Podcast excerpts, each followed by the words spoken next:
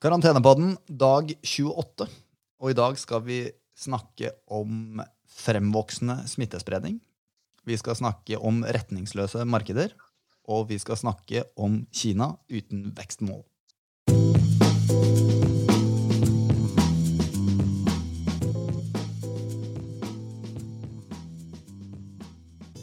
Er du med meg, Christian? Det er jeg. Veldig niftig ordspill der på smittefronten. Hva er det som skjer i disse fremvoksende økonomiene? Jo, Det som skjer er jo ikke bare at de har eh, store økonomiske utfordringer eh, knyttet til eh, covid-19, men de har jo også utfordringer knyttet til å få kontroll på smittespredningen. Og Brasil eksempelvis er jo en av de større fremvoksende økonomiene, eller emerging markets som det kalles. Og de har en, en vekstrate i antall dødsfall som ser veldig lite hyggelig ut og nærmer seg faktisk den amerikanske kurven for, eh, for, for vekst i antall nye dødsfall eh, per dag.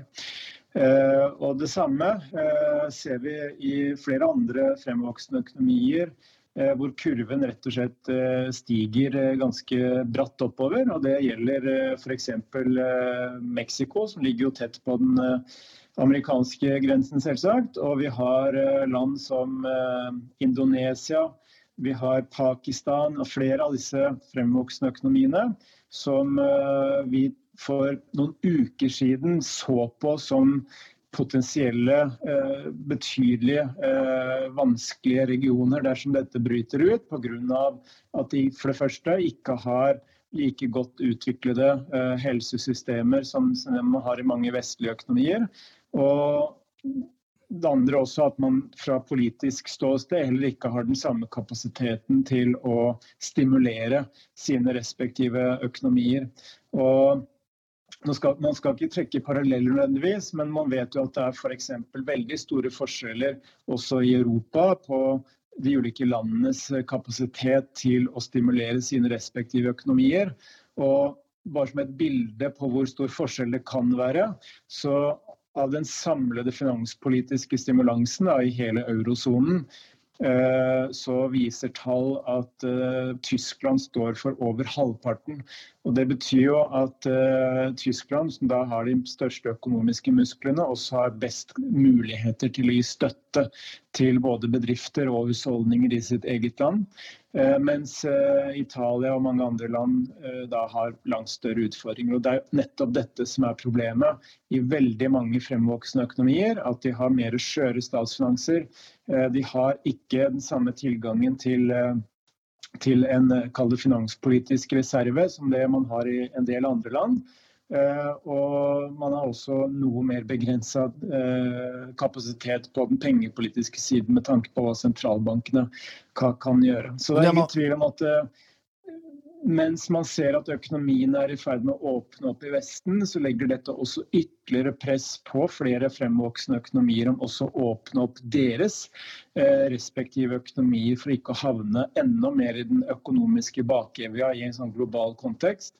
Og Det gir jo litt den samme utfordringen som vi har sett eh, i flere amerikanske delstater, at man i realiteten åpner opp økonomiene før man har fått eh, god kontroll på smittespredningen. Ja, og jeg må, det, bare, jeg må bare, spørre Kristian, før du går videre. for da, vet du om det Er det på en måte uh, Har de eskalert uh, testvirksomheten i f.eks. Russland og Brasil nå i det siste?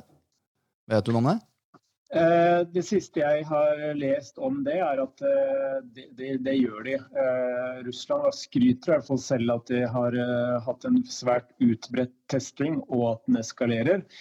Brasil er litt mer usikker på, men også der tror jeg at Bolsonaro har tatt, begynt å ta denne situasjonen med litt større alvor enn det han har gjort tidligere. og det, det kan vi i hvert fall håpe borger for en økt innsats også på testefronten. Men for Det det har jo gått helt sinnssykt fort nå i det siste. Det den, altså både Russland og Brasil var ganske langt unna smittetoppen. faktisk, og nå På kort tid så ligger de nå på andre- og tredjeplass eh, respektivt.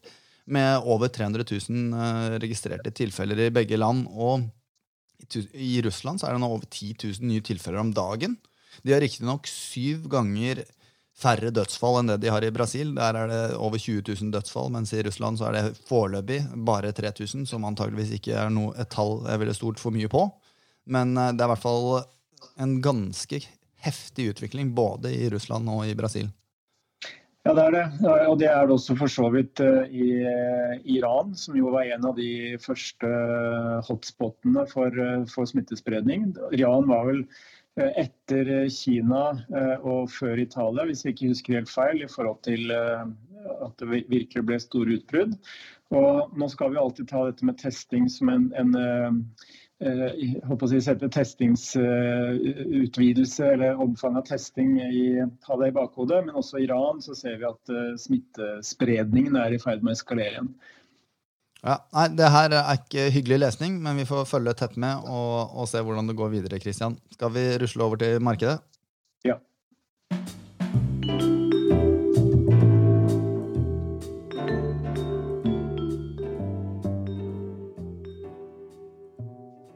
Og der er det litt eh, retningsløst nå? Ja, det er utgangspunktet det. Vi har jo hatt uh, en, en, veldig god periode i utgangspunktet siden 23.3 når markedene bundet ut og man fikk disse voldsomme stimulansene fra sentralbanker og politikere. Men i etterkant så har man jo sett at uh, økonomien kommer i gang igjen. Det er for så vidt positivt, og det var jo noe som var priset inn. Men likevel så har man sett en litt mer retningsløs utvikling de siste par ukene spesielt. Og det er helt tydelig at markedet nå leter eh, med lykt og lupe etter nye potensielle drivere, samtidig som det stikkes eh, kjepper i risikovillighjulene, i den grad, man, i den grad det finnes, eh, med tanke på geopolitisk spenningsnivå. Vi snakket jo forrige episode om forholdet mellom USA og, og Kina. Og en, en annen uh, geopolitisk uh, hot potato det er jo forholdet mellom Kina og Hongkong. Og I forbindelse med store, den store årlige ledersamlingen i det kinesiske kommunistpartiet, så har man nå bestemt å innføre en egen sånn sikkerhetslovgivning som skal gjelde for Hongkong. Og, og Tidligere så har jo kinesernes politikk og, og retning, det retningslinjer vært at man skal ha at det skal være at Kina og Hongkong skal på en måte representere to ulike systemer. Vi vet jo at Hongkong er eh, mye mer vestlig orientert og, strukturert mer på en vestlig måte enn det eh, Kina er. Men gjennom denne eh, ekstra lovgivningen da, så, så, legger jo egentlig Kina en, en, ekstra hånd over Hongkong, som vi vet bl.a. amerikanske politikere misliker eh, sterkt, eh, både på demokratisk og republikansk side. Så når, når kineserne gjør dette, så er det kanskje et, et lite sånn maktsignal om at de ønsker å gi amerikanerne også et tydelig uh, signal om at vi styrer vår region uh, selv, uten påvirkning fra andre. Men dette vil også sannsynligvis kunne foranledige en ny bølge med protester og demonstrasjoner, som vi husker fra Hongkong for ikke så mange månedene siden. Og, og, legger også ytterligere en, uh, et stressmoment da, i, i, i, på forholdet mellom USA og Kina, som jo er ganske anspent fra før i, øyeblikket. Ja. Så, så, det er det ene. Det andre er jo at uh, det er stor spenning nå knyttet til hva som skjer i økonomien, hvor langt man kommer i normaliseringsprosessen. Og der syns jeg eh, tall, ferske tall fra Kina gir et ganske godt bilde på hva vi kanskje kan forvente i de vestlige økonomiene også når man starter opp. Og det er jo at uh, en veldig stor grad av si, industri, produksjonsaktivitet osv. Byggeaktivitet er, er tilbake uh, omtrent på normalnivå i Kina fra det det var i gjennomsnitt i 2019.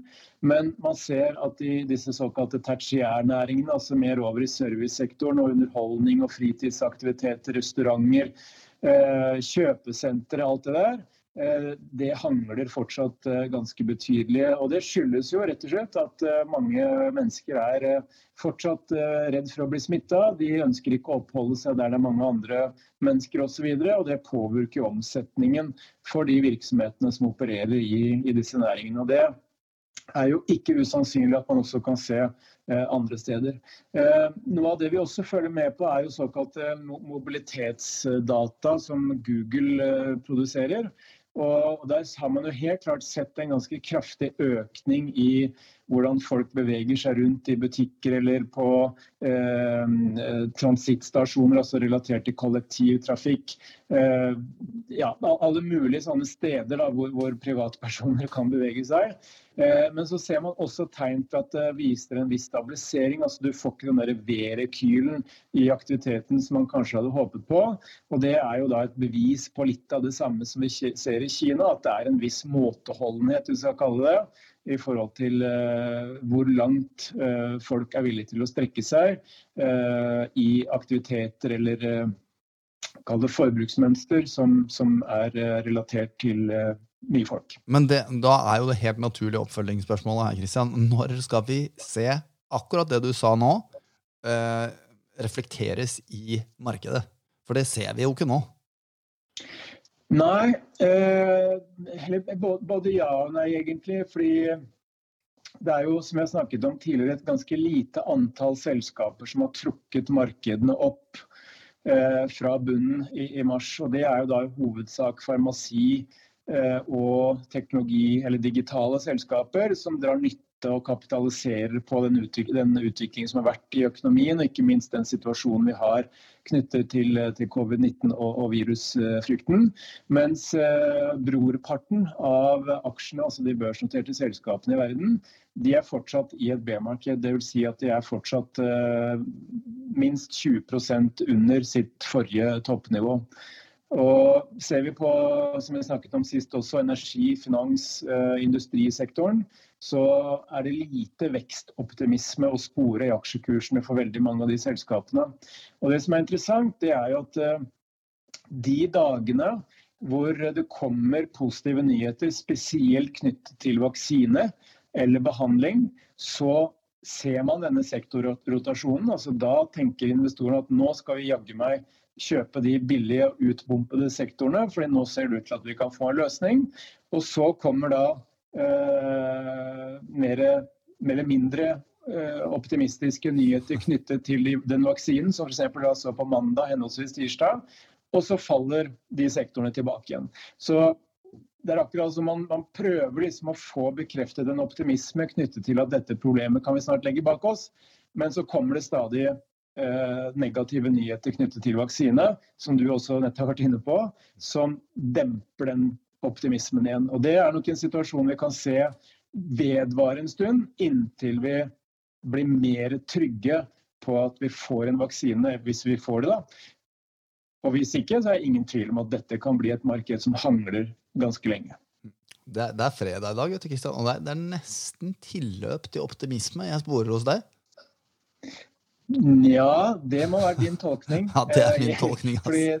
Det, det, som helt klart er et potensielt eh, scenario fremover, det er jo at markedet utvikler seg såkalt range-bound, som vi sier her på Hedmarken. Det vil si at det blir rett og slett liggende i et, eh, et bånd, hvor det stiger litt og så faller litt, og så finner man ikke helt retningen. Og, og det er ingen tvil om at økonomien skal gå bedre fremover. De verste nøkkeltallene har vi sett. Men at ting skal bli bedre, det er, det er, det er priset inn. Det, det, er vi enig i. Men at vi liksom skal få det virkelig store løftet eh, utover eh, den avkastningen vi allerede har fått siden mars, det forutsetter at ting blir ikke, ikke normalisert, men at det blir utsikter til at det kan bli en ordentlig boost i økonomien inn mot 2021. Eh, og Der er det jo helt klart en risiko for at vi ikke kommer tilbake til 100% men at vi kommer tilbake til 80 eller 90% Det vil forutsette ytterligere stimulanser fra myndighetene. Og det vil sette selskapenes inntjeningsvekst i 2021, som det er knyttet veldig høye forventninger til, på prøve. Ja. Var det noe mer vi skulle snakke om her nå, før vi runder av? Nei. Nei. Har du noe du vil plugge før vi runder av?